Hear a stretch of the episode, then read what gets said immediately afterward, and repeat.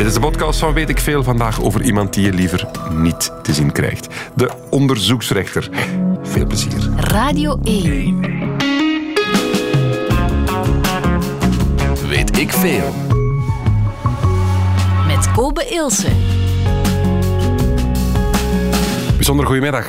Wie zit er vandaag bij mij? Wel, Filip van Lindhout zit bij mij. Onderzoeksrechter en co-voorzitter van de Vereniging van Onderzoeksrechters. Dat is een interessante vereniging. Is dat een leuke barbecue elk jaar? Dat is een uh, heel leuke vereniging, omdat wij voor elkaar een beetje moeten zorgen, omdat er niet altijd voor ons gezorgd wordt en dat wij een heel speciale job doen. Ja. En soms komen wij, één keer per jaar proberen wij samen te komen om uh, van gedachten te wisselen. En is dat, is dat een leuke bende of zijn het allemaal getraumatiseerde van... mensen die al veel te veel miserie hebben gezien in hun leven? Dat zijn mensen met een roeping en dat maakt het zo fijn. Dat zijn mensen die hun job doodgraag doen ja? en die dat ook alleen maar kunnen doen omdat het een roeping is. Omdat je heel veel ziet. Je ziet ook de slechte kant van de maatschappij. Je ziet vaak heel gruwelijke dingen. Mm -hmm. Je probeert daar goed in te doen. Je probeert het, de waarheid te achterhalen. Dat is onze job. Dat is een beetje zoals wat jij doet. Hè. Jij luistert naar de mensen en jij vraagt je af, weet ik veel? Wij moeten dezelfde vragen stellen. Van. Ja, ja, maar het hangt niet van mij af of er nadien iemand in de gevangenis komt. Nee, dat is waar. En dat is wel een verantwoordelijkheid, denk ik. Dat is een uh, gigantische en verpletterende verantwoordelijkheid. Ja. Omdat, en dat mag je ook wel zeggen, uh, omdat je eigenlijk nooit goed kan doen. Um, steek je mensen in de gevangenis in afwachting van hun proces, hè, want dat zijn mensen die nog verondersteld worden onschuldig te zijn, ja, dan krijg je vroeg of laat wel een minister die zegt, uh, recent nog van onze gevangenissen zitten overvol, hou daar alsjeblieft mee op om Mhm. mm -hmm. mensen in de gevangenis te steken. En steek je ze niet in de gevangenis, ja, dan, dan, dan, dan zie ik een van jouw collega's op uh, het nieuws en die zegt dan van hallo, wat gebeurt er? Justitie werkt niet, waarom is die persoon niet ja, Niet alleen een collega hier, maar ook de publieke opinie. Want stel dat die persoon dan toch nog iets verkeerd doet, ja, zo zijn er ook al voorbeelden legio hè, van mensen die eigenlijk... Ja, en dat is een nieuwtje dat ik voor jou Ja, meebreng. Wij hebben geen glazen bol. Men denkt dat, maar wij hebben dat niet. Wij lezen onze boeken ook niet van achter naar voren. Wij lezen van begin tot einde. Dus meestal beginnen wij met ja, een, blanco, een blanke lei. En moeten wij gaan zoeken naar de waarheid. Wat is er echt gebeurd? Mhm. A charge en a décharge, zo staat het mooi in de Nederlandstalige tekst. Wat wil dat precies zeggen? Wel, dat is dat wij als onderzoeksrechter op zoek gaan naar de waarheid. En de waarheid kan zowel in jouw belang zijn als verdachte, als, als ook ja, in het, meer in het belang van de procureur die een straf voor jou vraagt.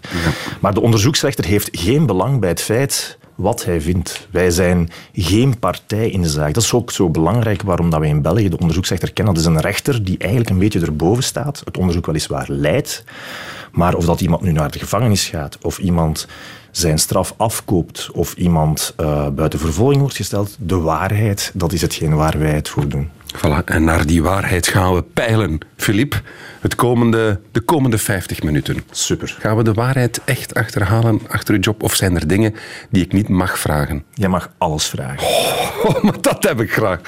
Fijn dat je luistert, luisteraar van Weet ik Veel. Op deze druilerige vrijdag gaan we een uur praten over de onderzoeksrechter met u en met Filip van Lindhout. Welkom. Meneer onderzoeksrechter, het enige wat ik vraag is stop maar zonder druk te zetten. Dus het komt erop neer dat jullie mij vragen een vrouw die misschien onschuldig is in gijzeling te nemen. Ik wil alleen dat Stopmans zich zo vlug mogelijk overgeeft. En als we zijn vrouw oppakken is de kans merkelijk groter. Ik kan haar aanhouden voor vijf dagen. Maar als ik daarna naar de raadkamer moet met dit hier... Vier dagen zou ruimschoots voldoende zijn. Goed, ik zal haar aanhouden. Prachtig, jaren 90, heterdaad. Ja, gelukkig fictie. Oei. Wat we hier horen is helemaal not done. De VRT-scenaristen waren verkeerd. Vertel, ja, vertel. Ja, VRT-scenaristen zouden veel beter regelmatig eens met de onderzoeksrechter gaan praten. Want soms dan heb je, als je naar iets aan het kijken bent, je bent gepassioneerd naar een nieuwe serie aan het kijken en ineens ja. gebeurt daar iets dat je denkt van... Oké, okay, maar wacht Filip, ik speel de jingle opnieuw af en jij zegt op het moment dat er iets verke ver verkeerd loopt, ga je zeggen wat dan, oké? Okay? Ja, absoluut. Komt die, hè? Meneer onderzoeksrechter, het enige wat ik vraag is stop maar zonder druk te zetten. Dus daar gaat het al fout. Nu al. Absoluut. De voorlopige hechteniswet is voor ons een heilige wet. Dat is een wet waarin staat, uh, kort samengevat, je mag niemand in de bak steken. Wacht, want we horen een fragment. We hebben Jode Meijer, die ja, is... Politie.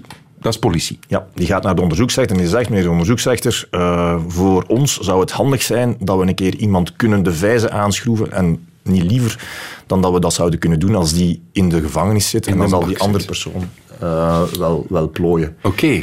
En de voorlopige hechteniswet, dat moeten we echt goed uitleggen aan de mensen. De voorlopige hechteniswet heeft niks te maken met bestraffing. De voorlopige hechteniswet is eigenlijk een wet die regelt, gelukkig, dat iedereen die nog niet veroordeeld is, is onschuldig en mag eigenlijk niet naar de gevangenis gestuurd worden. Dat is, dat is logisch. Je, hebt nog, je bent nog niet veroordeeld Nee, nee. door een hof van Nee, maar of... Ja, door- voorrechtenis kan toch ook omdat, je, omdat de politie denkt dat je er iets mee te maken hebt Ja. en het misschien goed is dat je in de gevangenis zit, dat je geen sporen kan gaan wissen Absoluut. of dat je niet Ja. kan vluchten, eender wat. En daar is het gelukkig meer dan alleen denken. Ja? Dus de voorlopige hechteniswet zegt als, om te beginnen van, je mag dit niet gebruiken om mensen onder druk te zetten. Je mag het ook niet gebruiken als aperitiefje op de straf. Stel nu dat je een beetje gefrustreerd bent, je denkt, oh, de straffen worden niet uitgevoerd, we gaan die gewoon al in voorlopige hechteniswet, dan hebben ze dat toch al gehad. Daar dient het absoluut niet voor, daar moeten wij over waken. De advocatuur zal ons daar ook, ook eh, goed eh, challengen en zeggen van, eh, doe je het goed of doe je het niet goed Advocatuur, de verdediging de van de persoon die van de dan... persoon ja. die, die we hebben aangehouden. En de voorlopige hechteniswet geeft eigenlijk een aantal voorwaarden wanneer je iemand in afwachting van een proces toch in de gevangenis mag steken. En dat Kan je, heeft te die, maken... kan je die kort opzommen? Ja, gevaar voor de openbare veiligheid. Dat wil zeggen dat je toch met een serieuze zaak bezig bent. Hè. Er moeten ook ernstige aanwijzingen zijn. Wij oordelen niet over bewijzen, maar het, het, ja, in, in boerentaal het stinkt. Hè. Er zijn ernstige aanwijzingen van iets. En dan dat openbare veiligheidsgevoel, dat is genoeg voor als het over de halsmisdrijven gaat, over de allerergste misdrijven, hè, zoals moord, doodslag. Maar voor bijna alle andere misdrijven zegt die wet van je moet nog iets anders hebben. Je moet kunnen uitleggen dat iemand bijvoorbeeld het opnieuw gaat doen. Iemand die ja, een toxicomaan is of die een, eh, een pedoseksuele afwijking heeft, dat je schrik hebt van als ik die laat gaan, dan gaat hij dat opnieuw doen. Of die persoon kan gaan vluchten. Hè, Mensen die geen Ja. adres hebben in België. Zo zitten er helaas veel in de gevangenis te wachten op hun proces, omdat ze geen adres hebben in België. En dan laatst, eh, maar ook heel belangrijk, zijn er twee die te maken hebben met ons werk kunnen doen en de politie hun werk laten doen. Dat is wil zeggen, je hebt schrik dat mensen bewijsmateriaal gaan wegmaken. Hè, Als er buiten komt, gaat hij gauw de bijl gaan begraven waarmee de moord is gebeurd. Of dat ze met elkaar een afspraak gaan maken. Zeggen, Ga jij maar. Ga je- we zien dat soms. We zijn in een grote drugszaak bijvoorbeeld. Staat er plots iemand bij de politie met een zakje, met zijn pyjama en zijn tandenborstel. En die zegt: Ik kom hier u zeggen dat ik verantwoordelijk ben voor de grote cocaïnehandel. Wel, de politie weet uiteraard dat die man, dat is eh, een beetje de foemp, zoals men zegt, die voorop wordt gestuurd door de organisatie om ervan af te zijn. Uiteraard, dat zijn de zaken die voor ons niet interessant zijn. Wij willen de waarheid achterhalen. Wat is er echt aan de hand? Wie is de baas? Wie is de Ja. meeloper? Wie geeft de opdracht? Om even heel duidelijk te maken waar jullie zich precies bevinden, want het, het- er- staat rechter in uw job, En dat is ook zo. Ja. maar je gaat... Ja, maar je behoort niet tot de rechtbank. Jawel, toch wel? Ja, toch wel. Daar begint het allemaal. Dus al mijn collega's onderzoeksrechters zijn op een dag eh, rechter benoemd in een rechtbank. En sommige van mijn collega's die zetelen ook nog, niet in hun eigen zaken uiteraard, maar die zetelen bijvoorbeeld ook nog in correctionele zaken of worden geroepen om eh, getuigenverhoor te doen. Dus wij zijn echt rechter. En als onze korpsoverste ons nodig heeft voor andere zaken, dan kan hij ons als rechter inzetten. Maar binnen dat korps van rechters, en dat is heel speciaal, en daar zijn we ook wel fier op dat dat in België bestaat, en we willen dat soms afschaffen, maar dat is heel verkeerd, zegt men van kijk, het zou toch wel heel interessant zijn dat als er moet geoordeeld worden over iets dat heel privacy-invasief is, bijvoorbeeld jouw telefoon afluisteren, dat heel invasief is op jouw vrijheid, jou in de gevangenis steken en je bent nog niet veroordeeld, ehm, dat op zo'n momenten die machtiging, hè, want je moet een papiertje krijgen van die rechter, dat die rechter niet alleen zo iemand is die aan de zijkant staat en zegt ik luister naar de politie, zoals in het fragment dat je daar ge- getoond hebt, ik luister een beetje en ik geef dat mee. Nee, dat het iemand is die het onderzoek ook leidt en met de twee voeten in het dossier zit. En dat is heel belangrijk, want bijvoorbeeld wat heel belangrijk is, eh, ja, ken je politie? Er zijn politiemensen die mij dag en nacht mogen bellen, omdat je die kent en die ook van mij afhangen en van, waarvan ik weet dat als die mij een huiszoekingsmandaat vragen en ik, ik lees de stukken, want soms moet het heel snel gaan, hè. wij zijn 24-7 van dienst, met mensen dienstregelingen, dat je zegt van oké, hier is geen probleem. En helaas zijn er ook soms mensen bij waar je denkt van oeh, ik ga dat eerst een keer grondig lezen. Voor Dus een huiszoekingsbevel komt per definitie van een onderzoeksrechter. Ja, en dat moet je aan de mensen van het nieuws hier eens zeggen. Hoezo? Ze zitten hier op eh, Ja, ze zitten 40 hier vast, meter. Maar ik hoor elke keer, s'avonds als ik om eh, 7 uur mijn tv opzet, dan hoor ik eh, het parket heeft een, on- heeft een huiszoeking gedaan. Dat is dus niet het parket, dat is de onderzoeksrechter die dat doet. Want wat is het parket dan? Het parket, dat is het Openbaar Ministerie, dat zijn zij die verantwoordelijk zijn voor de strafvervolging. Zij zijn verantwoordelijk om naar de zitting te gaan, naar de rechtbank te gaan en te vragen, die persoon, wij vinden dat hij schuldig is, wij vragen aan de andere leden van de rechtbank om die persoon te veroordelen of die persoon vrij te spreken, afhankelijk van wat ze in hun dossier hebben eh, steken. Hè. Heeft nu gehoord met het aanslagenproces, daar heeft de procureur gezegd van kijk, voor die personen vinden wij zelf dat er eigenlijk niet genoeg is. Dus dat zijn mensen die ja, een belangrijke functie hebben, die dus eigenlijk de strafvervolging leiden, maar die ook ja, een beetje gebonden zijn aan het dossier. Die hebben ook een belang. Hè. Die moeten ook aan de minister kunnen uitleggen of dat het goed gaat met de vervolging, of dat er genoeg boeven worden opgepakt. Wij als rechter hebben geen belang bij mensen in de gevangenis steken. Dat is waarmee ik begonnen ben. In de wet staat zelfs dat mag eigenlijk geen interessepunt voor ons zijn. Oké. Heel concreet. Dit gebeurde deze week. De stoffelijke resten van een vrouw die eergisteren gevonden zijn in een koelkast op het Albertkanaal zijn van een vrouw van 74. Dat bevestigt nu het parket van Luik. In de koelkast zaten de armen en benen van de vrouw. Vandaag vond de politie nog een tweede container op het water met daarin de rest van haar lichaam. De zoon van die vrouw is vanmorgen opgepakt in Zaventem. De man is ondervraagd door de gerechtelijke politie en moet morgen voor de onderzoeksrechter verschijnen. Uiteraard, Filip, en uh, dat zeg ik er graag bij, dit is niet uw zaak. Nee. Dit is niet bij u op het kantoor of het bureau gekomen. Jij spreekt hier ook in naam of, of met de titel co-voorzitter van de Vereniging van Onderzoeksrechters, dus Ja. overkoepelend. Ja. Ehm, dat er in deze zaak niks kan gezegd worden dat misschien ooit voor problemen zorgt. Maar ik wou dit aangrijpen puur om het, het, het systeem even uit te leggen. Dit gebeurt. Ja. Iemand fietst langs het Albertkanaal, ziet een het, het is waanzin, hè? ziet een, een ijskast Ja. en daarin zitten menselijke resten. Ja. Belt de politie. Belt de politie. Politie gaat onmiddellijk ter plaatse komen. Zijn goed opgeleid. Gaan onmiddellijk ook het dat labo kan de wijkagent zijn, bij wijze van spreken. Maar zij hebben, en daar mogen we ook fier over zijn, er is heel veel gebeurd in de, de laatste 20, 30 jaar. Eh, professionalisering. Eh, het labo gaat ter plaatse komen. gaat een Wacht, perimeter. als, ik, als ik even mag. Ja. Dus die politie komt ter plaatse. Ja. De politie doet de vaststelling. Die gaat eh, eerst zorgen dat er een perimeter is. Dat wil zeggen dat er eigenlijk niemand anders met zijn vuile voeten door de crime scene kan lopen. Want Ja, we gaan is- zo ja. afhangen van sporen. Hè. Wij kunnen nu allemaal denken dat één persoon dat gedaan heeft, maar die kan misschien met een heel ander verhaal komen. Dus de sporen laten spreken is heel belangrijk. En dat is ook iets waar de magistraten over moeten waken. ik, ken, ik ken nog oude foto's van bij een collega op zijn toilet, waar er zo krantenfoto's staan en waar je de politie op de crime scene een sigaretje ziet roken. Die tijd is gelukkig heel lang voorbij. Eh, dus er wordt alles aan gedaan dat, dat, dat het crime scene niet ge- gecontamineerd wordt, dat er een speciaal labo ter plaatse komt. Dat zijn de, man, de mensen die we kennen van de witte Jongen, pakjes, CSI. de gepakt, CSI. Ja. Maar dus die, die, die, politie, die, die politiepatrouille die eerst op de scène of op de scene komt, Ja. belt dan direct naar een onderzoeksrechter. Die bellen naar het parket, naar de procureur des Konings die van wacht is. En die procureur des Konings gaat een eerste evaluatie moeten maken. In dit geval gaat dat volgens mij niet heel moeilijk zijn. Die gaat zeggen, oei, we hebben hier mogelijk een moord of een doodslag.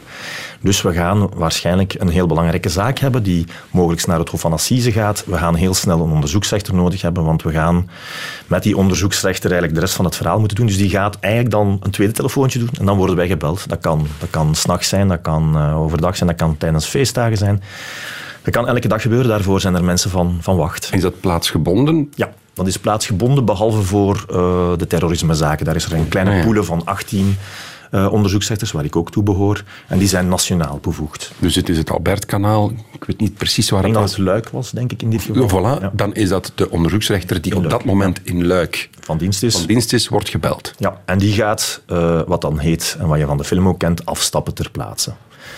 Afstappen, dat is ook een mooi beeld. Dat is vroeger van in de tijd dat men met de diligence ter plaatse kwam. Toen hadden wij nog een chauffeur, nu hebben we dat niet meer. Wat is de diligence? Dat is zo'n koets met een paard ervoor. Maar. Toen waren wij nog, nog veel belangrijkere mensen. Toen hadden wij zo een paard en een kar. En toen stapten wij van, ons, van onze kar af. En dat wordt af- zo genoemd nog altijd. De afstappen. onderzoeksrechter stapt af. Ik vind dat een mooi beeld. Dat is prachtig, ja, Ja. absoluut.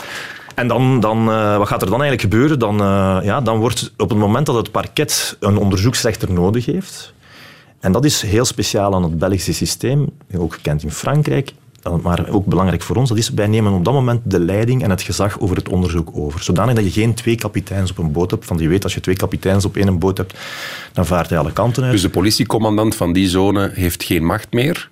Wij zijn dan op dat moment Jullie nemen eigenlijk een beetje de baas. Ja, oké. Maar geen, geen dwaze baas. Eh, de meeste beslissingen worden dan genomen in overleg met, en wij nemen de verantwoordelijkheid, maar het zou nogal idioot zijn om uh, te zeggen van we gaan nu heel het Albertkanaal dreggen of zo, mm -hmm. want dan ga, je, dan ga je een kleine factuur maken. En dan komt, want onder jou onder de onderzoeksrechters staan de witses van deze wereld, de mensen, de speurders. Ja. Klopt dat? Ja, absoluut. Dus je hebt dan een team van speurders. Wat heel belangrijk is, je hebt best een goed team, gedreven team, ja. dat, dat ook een beetje ervaring heeft en die ook u voorstellen gaan doen van kijk, we gaan uh, dat en dat willen doen of we hebben al een spoor, we hebben dit al nagekeken. Krijgen wij van u een huiszoekingsmandaat om daar een huiszoeking te gaan doen? Mogen wij iemand zijn telefoon beginnen afluisteren? Dat zijn zaken die besproken worden en waar wij als rechter elke keer moeten afwegen is er genoeg om die ingrijpende maatregel te wetten. Ja, ja. Hoe is dat? Want jij bent dan eigenlijk een van de... Nee, je bent niet de eerste, want je hebt altijd een, een passant of iemand die dat lijk ontdekt. Dan heb je een politie die het komt bevestigen. De Mhm. procureur belt, die belt naar jouw onderzoeksrechter. Ja. Dan sta je er wel als een van de eersten op een plek waar een lijk ligt. Ja. In dit geval een ijskast met ledematen. Ja. Waanzin. Hoe, hoe stap je daar naartoe? Wat doet dat met een mens om al die lelijkheid te zien?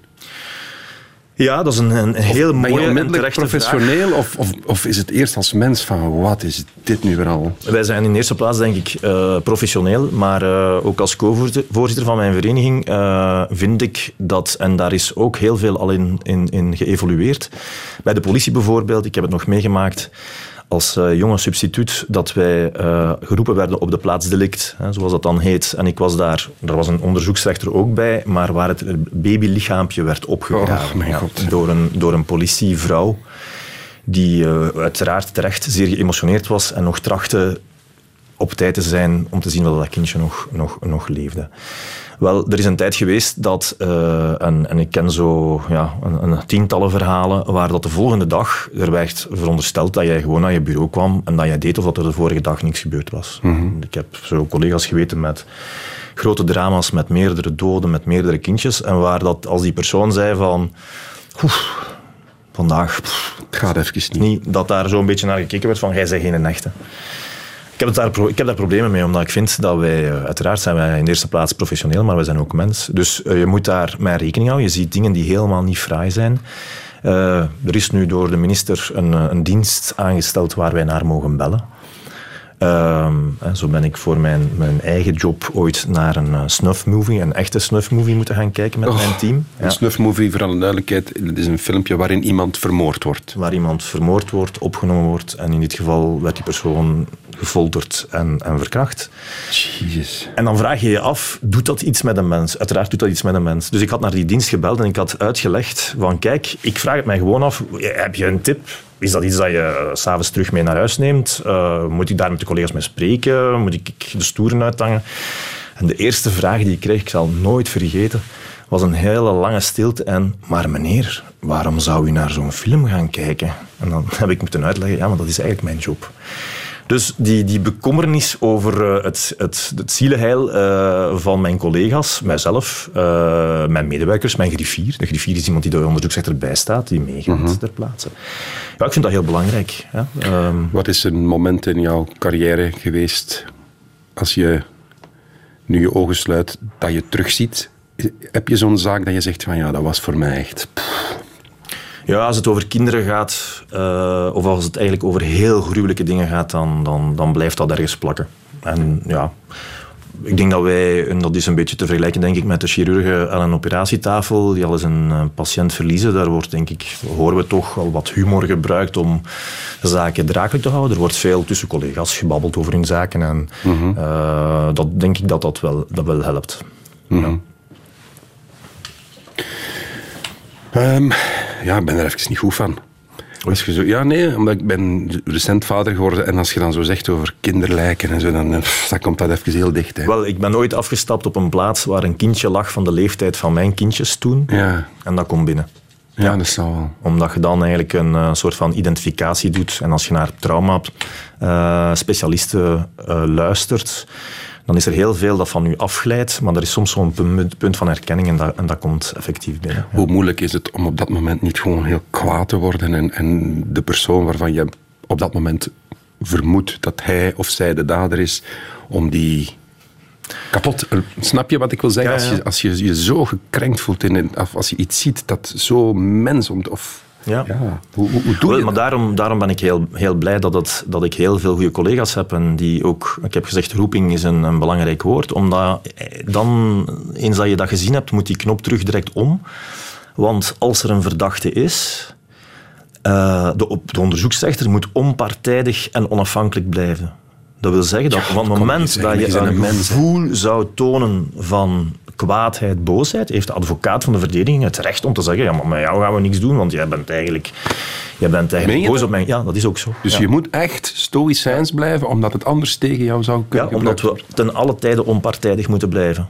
Ehm, en dat is niet eenvoudig, maar dat is ook nodig. Waarom? Omdat, en daar hebben we mooie cursussen voor gekregen als onderzoeksrechter. Dat is een van de topopleidingen die ik ooit gedaan heb. Verhoortechnieken, hè, wat dat jij met mij doet, dat doen wij ook met, met, eh, met onze verdachten. En een eh, open vragen stellen, ehm, spiegelgedrag. eh, iemand niet, als, als, als iemand binnenkomt en je zou die onmiddellijk een, een vieze blik geven en zeggen van yes, ja, dan weet je dat je nergens geraakt. Want uiteindelijk wat wij moeten achterhalen is, wat is er nu echt gebeurd? Filip, als je, als je tegenover iemand zit die kinderen verkracht heeft, die kinderen vermoord heeft, kan je dan, kan je dan Absoluut. goedemiddag zeggen, koffietje, zet Ja. u? Meen je dat? Ja, absoluut.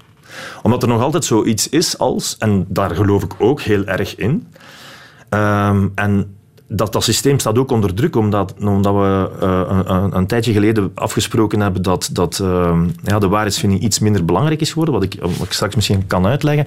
Maar finaal ga je met die mensen iets moeten doen. Je hebt de feiten en je hebt de mens. En met de mens, die mens gaat morgen niet weg. Die gaat misschien naar de gevangenis gestuurd worden om daar een hele tijd te zitten. En hopelijk, en daar geloof ik heel hard in, en dat doen we veel te weinig, daar is ons systeem echt niet goed in. Daar moeten we mee aan de slag. Want die mens komt vroeg of laat ooit buiten. Dat is een televisieprogramma. Hè. Je komt ooit vrij. En je moet daarmee aan de slag. Dus het systeem bestaat erin dat ja, de maatschappij een stukje vergelding zal willen. Eh, terecht, waarschijnlijk. Ehm, maar je moet er ook mee verder. En eh, daarom is het belangrijk om mensen als mensen te blijven zien. Eh, om te zien van wat is er aan de hand en als er een probleem is, dat probleem aan te pakken. En dat gebeurt in België helaas veel te weinig, omdat we daar geen tijd voor hebben, geen, geen centen aan willen eh, spenderen. Binnenkort zullen het weer verkiezingen zijn. En hoe populair maak je jezelf als politicus als je zegt ik heb heel veel geld nodig om aan Moordenaar X of Y te geven. Voilà. En dus is dat een sector waar dat iedereen zegt van die krijgen al genoeg, maar dat is niet goed. We krijgen, onze minister heeft voor nieuwe gevangenissen gezorgd. Het zijn helaas gevangenissen die andere gevangenissen vervangen. Maar daar gaat het om genoeg plaats om met mensen iets te doen, zodanig dat er iets goed uit voorkomt. En ik denk, mijn collega's die dus finaal over de zaak oordelen, Oh, die zouden dat ook zo tof vinden. Want die zitten soms uren te delibereren over gaan we die persoon nu eh, 32 maand geven, gaan we die 18 maand geven, gaan we die een uitstel geven, gaan we die... En als er dan soms niets mee gebeurt, of te weinig mee gebeurt, of alleszins niet wat dat de rechter heeft bedoeld, dan is dat oh zo jammer. Heb je al gedacht, dat is eigenlijk een toffe mens. Die heeft iets heel vies en raar gedaan en heel fout gedaan, maar eigenlijk is, heb ik daar wel een klik mee. Heb je dat al gehad? Ik heb al veel mensen gezien dat ik denk van manneke, manneke, manneke, maar als jij uw kwaliteit... Ik, doe, ik ben gespecialiseerd in cybercriminaliteit, bestrijding van cybercriminaliteit. Ik zie soms mensen voor mij zitten en denk van, maar, maar als je dan nu een keer voor iets goeds zou aanwenden, je kunt eigenlijk komen werken bij ons, want Ja. wij vinden geen volk om, om dat te doen. Maar de creativiteit soms, soms allee, de, de, de, en dat, is, dat maakt het ook zo fijn om onze job te blijven doen. Ik denk dat ik, ik ben nu al sinds 2006 onderzoeksrechter en ik doe dat heel graag en ik wil dat zo lang mogelijk blijven doen. Maar wat je allemaal ziet passeren, er is nog geen ene dag geweest dat ik denk van, oh, het is een keer, hè, repeat. Het is nu een keer echt wel een afgezaagd liedje. Er is altijd iets nieuws en men vindt altijd wel iets nieuws. Er durft wel eens een blooper in het nieuws sluipen over onderzoeksrechters. De Brusselse onderzoeksrechter heeft een man doodgeschoten die donderdag in het vredegerecht van Brussel een rechter en een griffier heeft doodgeschoten. Dat is voorlopig nog niet uw job, denk ik. Hè? Mensen Nee, doodschieten. nee, nee, maar ik, ik herinner mij die zaak en eh, ik herinner mij ook nog altijd wat we toen allemaal gezegd hebben eh, als eh, magistraten. Dat is, wij eh, zijn gigantisch slecht beveiligd. Wacht, want Dit gaat over het doodschieten van een griffier en een eh, vrederechter in Brussel. Ehm, en ja, in België, ik, ik, er zijn mensen die als, als ze in een buitenland komen een kerk bezoeken, ik ga een gerechtsgebouw bezoeken. Ja. dikwijls heel mooie architectuur.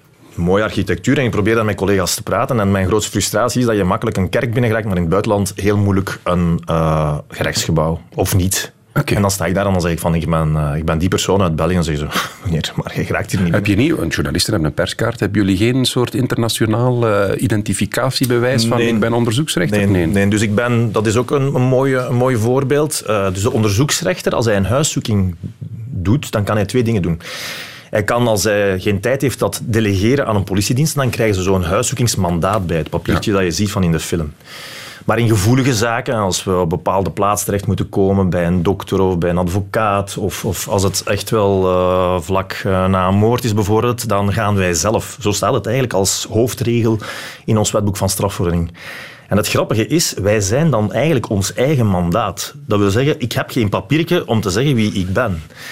Wij hebben van onze minister een plastieke kaartje gekregen en ik denk dat de gemiddelde fitnessclub een professioneler uitziend kaartje heeft.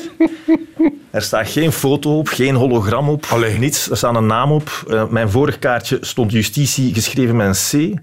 En met dat kaartje kom ik dus op plaats terecht waar ik binnen moet vallen en zeggen van allemaal rustig aan het bureau blijven zitten. Ik ben de rechter, ik kom hier iets doen. En dan kijken de mensen naar mij en zeggen, maar meneer... Hoe, Waar is uw ja. papier? Ik zeg maar, ik ben mijn papier. En dit is om te bewijzen dat ik onderzoeksrechter ben. En dan nemen ze dat kaartje vast en dan zeggen ze, man, man, man, dit kan niet waar zijn. Dit is verborgen camera. Dus dat is... Ben je er nu een karikatuur van aan Nee, nee, zo is het echt. We hebben nog altijd geen goede ID om ons te Het is legitimeren. niet zoals in de film in we al 100 Amerika, jaar, zo die oh, nee. FBI, Oh, nee. zo die Nee. badges en zo. Nee, Nee. nee, nee, nee. Ik ben beschaamd om, om dat kaartje boven te halen.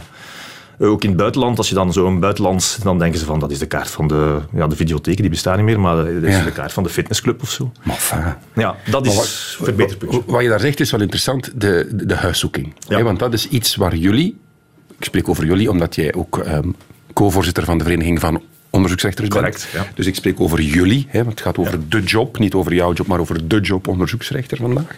Jullie bepalen of dat mag of niet, hè? Ja, een, huiszoeking. Ja. En jullie zijn de enigen die die macht hebben. Absoluut. Er zijn wat uitzonderingen, maar dat zal ons te ver leiden. Ja. Dan vraag ik me, stel nu dat er morgen bij mij een huiszoeking wordt ge- gedaan. Hè? Het is, we zijn morgen acht uur s ochtends. Ja. Ik lig nog in mijn bed. Meestal komen we vroeger. Godver, hè? Ik zal zorgen dat er koffie is. Maar het is zes uur s ochtends. Ik lig nog in mijn bed. Er wordt gebeld. Ja. Ding dong. Ja. Dat Er is nog eens gebeld, waar want- we geen schrik hebben dat je iets gaat doen. Ah, oké. Want tegenwoordig is heel veel van ons bewijsmateriaal nogal heel volatiel. Dus ik, we hebben het al verschillende keren gehad dat we ding-dong, ding-dong doen. Aankloppen, niemand open doet. Dat we even moeten wachten op de slotenmaker. En als we binnenkomen, dat de brave man of vrouw zegt... Goh, had ik geweten dat de politie aan de deur... Ik had jullie binnengelaten, maar ik heb hier nu een klein accidentje gehad. Ik heb per ongeluk mijn computer in het bad laten vallen. en dan is het te laat. Dus in, in, in zaken waar het ertoe doet, gaan we misschien niet aanbellen. En En gaan we direct binnenkomen. dus met de politie erbij, met de Ja, stormram, met de bam. stormram of de speciale eenheden. En gaan jullie dan het huis, wordt, wordt dat huis op voorhand bekeken? En, want ik heb bijvoorbeeld een open bebouwing. Gaan jullie dan langs achter ook klaarstaan dat ik niet ga lopen? We gaan niet alles uitleggen komen, want dan, dan gaan we geen nee, huiszoeking meer kunnen we zijn hypothetisch aan het- Een goede huiszoeking wordt uiteraard Ja. voorbereid door de politie. Oké. Ja, ik heb het recent in een zaak gehad dat ze niet zo goed voorbereid was en dat er effectief iemand langs achter ging lopen met bewijsmateriaal. Ja, dat is jammer, hè? Gaan jullie in drugszaken aan de, aan, de, aan de riool staan om te zien of ze er niet door, doorsporen? Oh, we kunnen, we, kunnen, we kunnen stalen nemen van het eh, wc-water. En we kunnen, dat gebeurt. Als je dus het te laat doet, dan, dan weet je dat er misschien iets is doorgespoeld. Hè. Maar, dat, is ook, dat is ook een moeilijke afweging. Want wij moeten eigenlijk waken, eh, zowel of mag het... Want dat is zeer privacy-invasief. Je moet je dat voorstellen. Je ziet daar in je, Ah, dat moet heel traumatisch in uw zijn. boxershort, ki- kindje is aan het wenen, want die weet niet wat er gebeurt. Uw vriendin vraagt zich af wat er aan de hand. Dus je mag dat uiteraard niet lichtzinnig doen. Maar dan is het volgende, en dat is eh, de, de, de MIO's, dat zijn de magistraten in opleiding, dat zijn de mensen die, toekomstige magistraten, ik zeg altijd, je moet meegaan, want wij kennen dat vanuit de film, en dat is binnengaan, en die mensen vinden altijd onmiddellijk iets. Maar bij ons is dat niet zo. Allee, ik nodig u uit om in Ja. deze ruimte, dit, dit mooie, uh, allee, deze mooie studio, ga daar een keer op zoek naar iets van drugs dat verborgen is, of iets van, van digitaal bewijsmateriaal. Het is, het is Michel, de technicus vandaag. ik zou wel weten wat dat Het is niet moeilijk. Sorry, Michel. Love you, hè, dat weet je. Dat weet je. Maar qua proportionaliteit, dat is iets waar dat wij over moeten waken. Ja, een goede huiszoeking, ja, dat zou betekenen dat we hier uh, de, de panelen van, van de muur ja, ja, ja. een keer echt alles grondig doen. Want bijvoorbeeld, niet, zoveel, niet zo heel lang geleden, is hier op de VRT een huiszoeking. En dan denk ik, was jij dat? Ja. Ah, dus je kent de weg naar de studio. Ja. Nee, we gaan er niet op ingaan op de zaak zelf, maar dan vraag ik mij af, ik lees dat dan ook in de krant, een huiszoeking op de VRT. Dit is een gebouw, ik loop hier al twintig jaar rond, ik heb nog niet elke gang gedaan. Nee. Dat is hier gigantisch groot. Hoe, hoe, hoe, begin je aan een huiszoeking van een, laat ons gewoon de VRT vergeten, een groot bedrijf? Ja. Ga je dan laptops in beslag nemen? Ga je... dat, is dus een, uh, dat is dus een hele moeilijke opdracht. En daar gelukkig worden wij bijgestaan door, door goede mensen van de politie die u gaan zeggen op voorhand als je zoiets moet doen. Van kijk, wij denken dat we daar moeten zijn. Dat is interessant. We moeten voor onze rest geen aandacht hebben. Je kan ook ter plaatse mensen tegenkomen en zeggen van kijk, ik heb u even nodig. Toon mij waar ik moet zijn. En gaan jullie onmiddellijk zeggen alle mailverkeer moet nu stoppen. Gaan jullie servers af, uitschakelen? Dat hangt, dat hangt af van, uh, van wat voor soort zaak dat je onderzoekt. Ja. En dat is wat dan mensen soms... En dat wordt ook, dat wordt ook gelukkig ook getest en bekeken door de advocaten van de verdediging. Die gaan dan zeggen, meneer onderzoeksleider, heb je dat goed gedaan, niet goed gedaan? Ben je disproportioneel geweest? Ben je er een beetje over gegaan? Maar zoals ik al zei, als je, als je eigenlijk iets wil vinden waar je niet van weet waar het is, ja, dan moet je het wel grondig doen. Hè. Dus dat zou kunnen inhouden dat we tegen iedereen zeggen, iedereen aan de kant, gsm's op de tafel, niet meer aan de computers komen. En we gaan ons, we gaan ons werk nu moeten doen. Mm Wat nog meer onderstreept hoe ingrijpend een huiszoeking kan zijn. Hè. Ben je ooit beschoten geweest? Zoals in de Amerikaanse films is dat dikwijls hè, binnenvallen en dan direct wordt er geschoten. Nee, gelukkig niet. En dat wordt ook altijd door de politie een, eh, een, een veiligheidsanalyse gedaan voordat we eraan beginnen. En mm uh, uiteraard is het ook belangrijk om, om daar als onderzoekssector ook aandacht voor te hebben. Want politiemensen gaan niet werken om doodgeschoten te worden. Dus als de politie, maar we gaan daar ook zuinig mee om, als de politie zegt van die man is gekend of die vrouw is gekend als vuurwapengevaarlijk, we denken dat er een vuurwapen is, ja, dan moet je verantwoordelijkheid nemen. Dan komen er speciale eenheden eerst ter plaatse die niet via het aanbellen binnengaan en die dan eerst de zaak veiligstellen. Dat is voor ieders veiligheid. Maar je moet daar ook bij stilstaan dat dat een heel traumatiserende uh, aangelegenheid is. Want niet alleen de verdachte wordt uh, op dat moment uh, geviseerd, maar iedereen die daar aanwezig is, inclusief de oma, de kindjes. op de grond geboeid. Direct, en dat is dan voor de veiligheid. Dan wordt er een sweeping gedaan, kijken of dat er een wapen is. Wordt ook vaak aangetroffen, steeds meer. Uh, en dan kan het team dat de zaak doet uh, veilig en wel binnengaan. Vraag je in de marge. Stel, jullie doen een huiszoeking, halen alles overhoop. Want ik neem aan dat jullie niet opruimen achteraf. Mag, en, en, en er wordt valt, niks... Valt dat mee? Dat en er wordt niks mee. gevonden? Ja. Ik, ik, de, zo de, wij zijn geen inbrekers. Hè. Nee, nee, maar ja, het is wat je zegt hier in de studio. Je, je zou alle ja. panelen van de muur halen. Als, als we echt Ga je die dan ook zijn, terughangen? Nee, we gaan ze niet terughangen. Ah, ja, voilà, maar er is mag, een, ik dan een, een, mag ik dan een factuur ja, sturen? Absoluut. Serieus? Ja, dat is geregeld door de wet. Dus de kosten voor het stormrammetje tegen de deur, de deur gaat kapot en de huisbaas zegt... Ja, wie gaat dat betalen? Dat is de Belgische staat die dat betaalt. Het is ook oh. daarom dat we, we zijn ook als goede huisvader verantwoordelijk om te zorgen dat we dan met gepast, gepast geweld dingen doen en niet uh, het een beetje te excessief doen. En is dat een factuur die op tijd betaald wordt door de overheid? Steeds beter. Nee? Oké. Okay. Niet dat ik ervaring heb hoor, maar ik hoor wel eens iets. Oké, okay, huiszoeking is gebeurd. We hebben dingen gevonden. Ja. Wanneer zeg jij als onderzoeksrechter, nu ben ik klaar om, en verbeter me als, ik, als de vraag verkeerd is, naar de rechtbank te stappen? Okay. Snap je? Ja. Wanneer, wanneer zeg je, ja. ik heb een onderzoek, ik heb wat conclusies. Ja. Wanneer, ja. hoe lang dus de onderzoeksrechter leidt zijn onderzoek en moet eigenlijk zorgen dat, we hebben het gezegd, de waarheid aan het licht komt. En dat is, je leest je dossier, je zegt van oké, okay, die persoon moet nog verhoord worden, dat hebben we nog niet, we hebben dat deskundig verslag nog niet, soms moeten we wel wachten op deskundigen.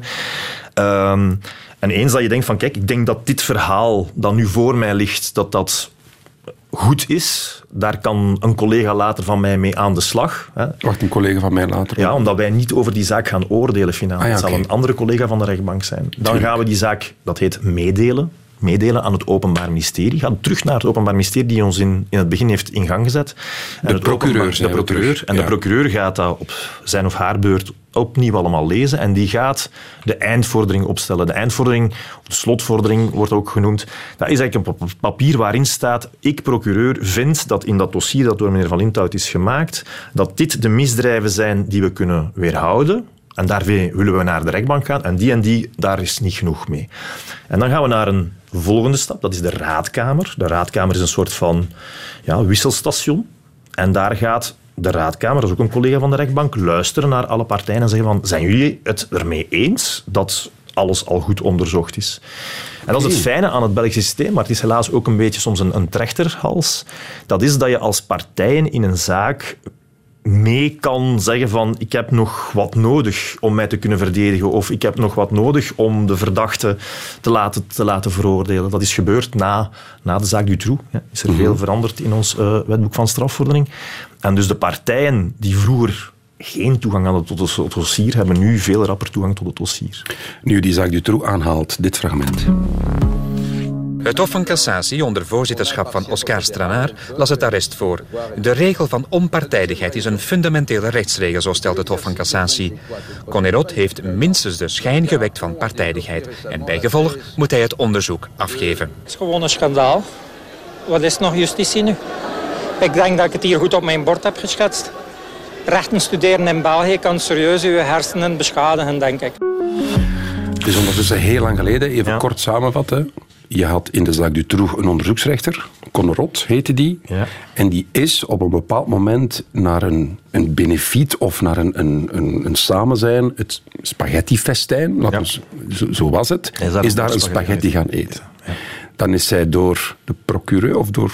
Of van cassatie. Of van cassatie heeft dan gezegd, dat is partijdigheid. Of een schijn van Of een schijn. Want je gaat uit sympathie een spaghetti eten. Dus een onderzoeksrechter moet een aantal tijden laten zien dat hij onpartijdig is. Dus dat hij nog voor de ene partij, nog voor de andere partij ja, een bepaalde ja, sympathie heeft. En dat is soms heel moeilijk, want ik herinner me van, van, mijn, uh, van mijn collega uit Antwerpen die na, uh, nadat een eh, kindje op straat samen met haar uh, zwarte oppas werd doodgeschoten, ook, ook de familie bij hem in het bureau krijgt, die komen klacht neerleggen. Ja, je, je kan ook maar een stukje mens zijn door daar niet als een, als een zoutpilaar mhm. te zeggen van kijk, uh, we, gaan niet, uh, we gaan hier nu doen of dat, of dat er niets gebeurd is. Hè. Dus dat is heel moeilijk. Ik leg dat ook altijd uit in het begin. Ik zeg van kijk, het klinkt een beetje cru, maar ik moet u dat uitleggen. Ik ben nog ik heb nog sympathie voor u, maar ook nog niet voor de anderen. Ik heb wel sympathie voor u, ik heb wel sympathie voor de anderen. Ik ben onpartijdig. Mhm. Maar het, het, het, het, arrest is toen heel hard binnengekomen. Ik herinner me dat toch. Ik was toen maar nog maar pas begonnen als advocaat.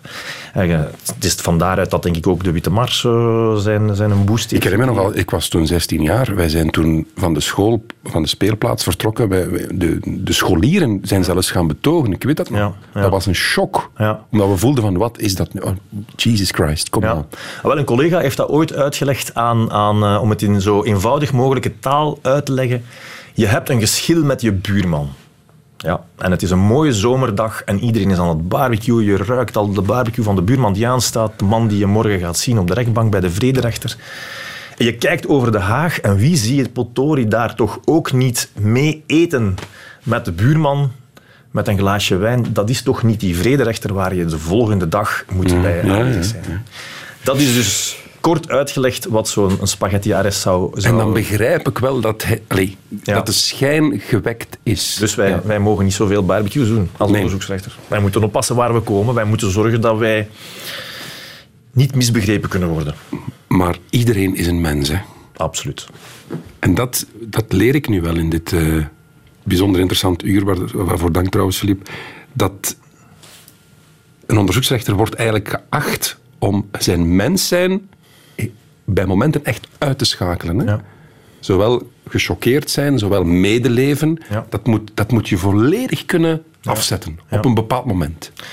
En daarom is het belangrijk ook om, om, om eigenlijk dat respect op te brengen voor mijn collega's onderzoeksrechters. Allee, het is soms... Bijvoorbeeld de taal die wij hanteren. Taal is een belangrijk ding in dit huis. Hè.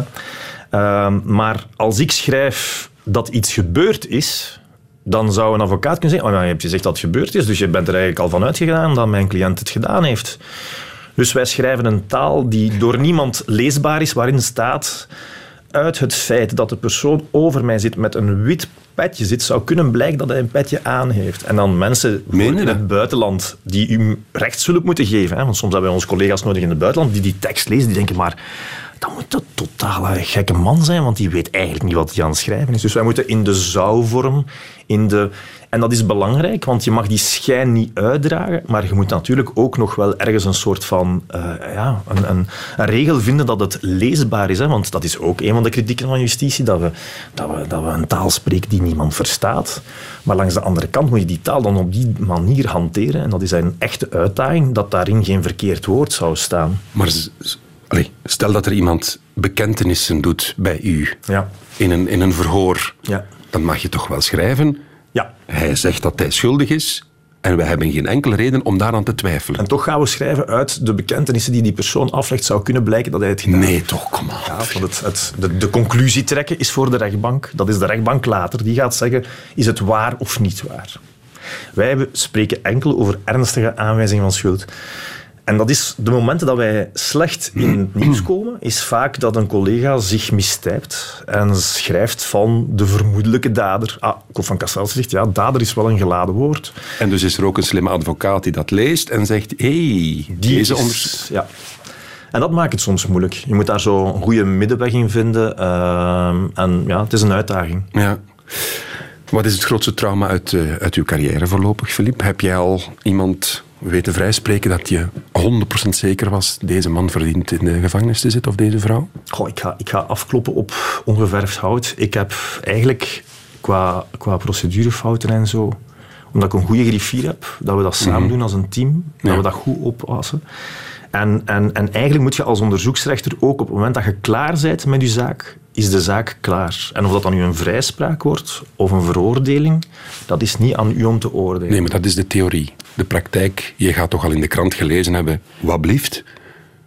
Ja. Vrijspraak? Ja, de, de, de accident de parcours, daar, dat is mijn grootste trauma. Dat wij soms heel slecht gepercipieerd worden. En het grootste trauma is dat we het niet, vaak niet mogen uitleggen. Reden waarom ik heel dankbaar ben dat ik hier vandaag mag zijn. Mhm. Dat is, een onderzoeksrechter spreekt of mag niet spreken over zijn zaken. Andere partijen die een belang hebben, mogen dat wel. En dus soms zie je, s'avonds, je zet het nieuws op en je ziet dat, het journaal op, je ziet dat daar iemand een verklaring aan het doen is. Het is vaak een advocaat, kan een partij zijn. En je weet, maar mijn god, dat is niet waar. Dat is mijn dossier, dat gaat niet. En dat is de, de, de frustratie die soms leeft. Je wij mogen niet twitteren dan? Nee, wij mogen dat. Dat zou heel slecht zijn. Dat zou heel stom zijn. Twittermagistraten worden daar helaas heel snel op afgerekend. Dus je hoort soms gelul op televisie dat je weet dat niet juist is, maar dat dan al in, het, in, in de strategie van de beschuldigde of de schuldige of eender wat. Het is zelfs zo dat in de fase van het gerechtelijk onderzoek het niet de rechtbank is die de verslaggeving doet, de persverslaggeving is, maar het Openbaar Ministerie is die ook een partij is in zaken. het enige dat je kan doen als onderzoeksrechter is eigenlijk afkondigen dat er een, een persstop is. Wat soms nodig is omdat je al naar iemand aan het zoeken bent of dat het op een heel gevoelig moment komt. Zullen we de laatste 2,5 minuut gebruiken om ehm, iemand die op dit moment aan het luisteren is en denkt, hey, ik wil dat eigenlijk wel studeren, ik wil dat wel worden. Welk traject volg je? Eerst rechten studeren. Dat is een studie van, uh, van vijf jaar. Een boeiende, een boeiende opleiding. Heel, uh, heel, allee, dat is een verplichting. Je moet dat is een verplichting, ja. ja. Om een toga-beroep te kunnen doen, moet je rechten studeren. En dan is het zo dat om toegang te nemen tot de magistratuur, de Hoge Raad van Justitie examens uitschrijft. En daar zijn voorwaarden aan. Je moet al een beetje ervaring hebben. Je moet een vergelijkend examen doen. Dus het is niet omdat je de best, alleen omdat je mhm. erdoor bent dat je erbij bent. Je moet ook goed gerangschikt zijn. En dan fantastisch aan het Belgisch systeem, de MIO, de magistraat in opleiding, die overal een beetje mag gaan proeven. Mee mag met de politie, een stage doet in de gevangenis, mee mag met het labo. Dus dat heb je ook allemaal gedaan? Absoluut. Ja. ja en dat, is, dat bestaat nog niet zo gek lang. En dat is ook heel goed, omdat er vroeger werd er al eens ja, meewarig naar justitie gekeken. Er waren de politieke benoemingen. Je had ergens mm een, een, deal tussen twee partijen. Die zei van, jij krijgt dan de nieuwe voorzitter van Toef van Cassatie. En sinds dat er zo'n examen zijn, kan je zeggen, kijk, al die mensen die hier zijn, die hebben en recht gestudeerd, maar die hebben ook een zwaar examen gedaan en die moeten hun merites aantonen, worden geëvalueerd. En dat is wel heel goed aan het systeem. Dus de, de onderzoeksrechter die er gezet is door een machtig figuur en dan in... in nee, zou niet meer bestaan. Zou niet meer. Heb jij ooit telefoon gekregen? Regel het is? Nee. Nee. nee. Ik denk dat ze weten dat ik nog wel redelijk onbenaderd ben. Wat schuift dat? Goh, we, we naar Belgische cultuur genoeg, maar nooit, nooit genoeg. Want, als ik Want wij zijn dat... dag en nacht van dienst en dat is eigenlijk, eigenlijk zijn wij, wij zijn goed betaald als onderzoeksrechter. Dus mensen die dat later willen doen, absoluut doen. Het enige dat onze minister eindelijk voor ons een keer zou moeten doen, is, hij heeft nu al computers gegeven, maar als ik s'nachts om twee uur ergens op een commandopost zit en mijn ogen dicht aan het vallen ben, zo uh, een auto, iemand die met ons rondrijdt, uh, zo van die zaken die bij andere diensten wel bestaan, ja. zo die materiële zaken die, die er voor veiligheid en een aangenaam leven zorgen. Ik uh, weet niet of hij met vakantie is, maar we hopen dat het tot bij hem geraakt. Hij hoort alles. Hij hoort.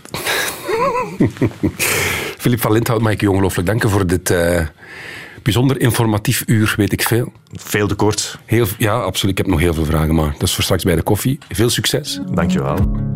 Weet ik veel. Radio 1. Dit was de podcast van Weet ik veel over de onderzoeksrechter. Misschien heeft u wel wat tips opgevangen. Er zijn nog veel meer podcasts beschikbaar. Vind je allemaal terug op VRT Max.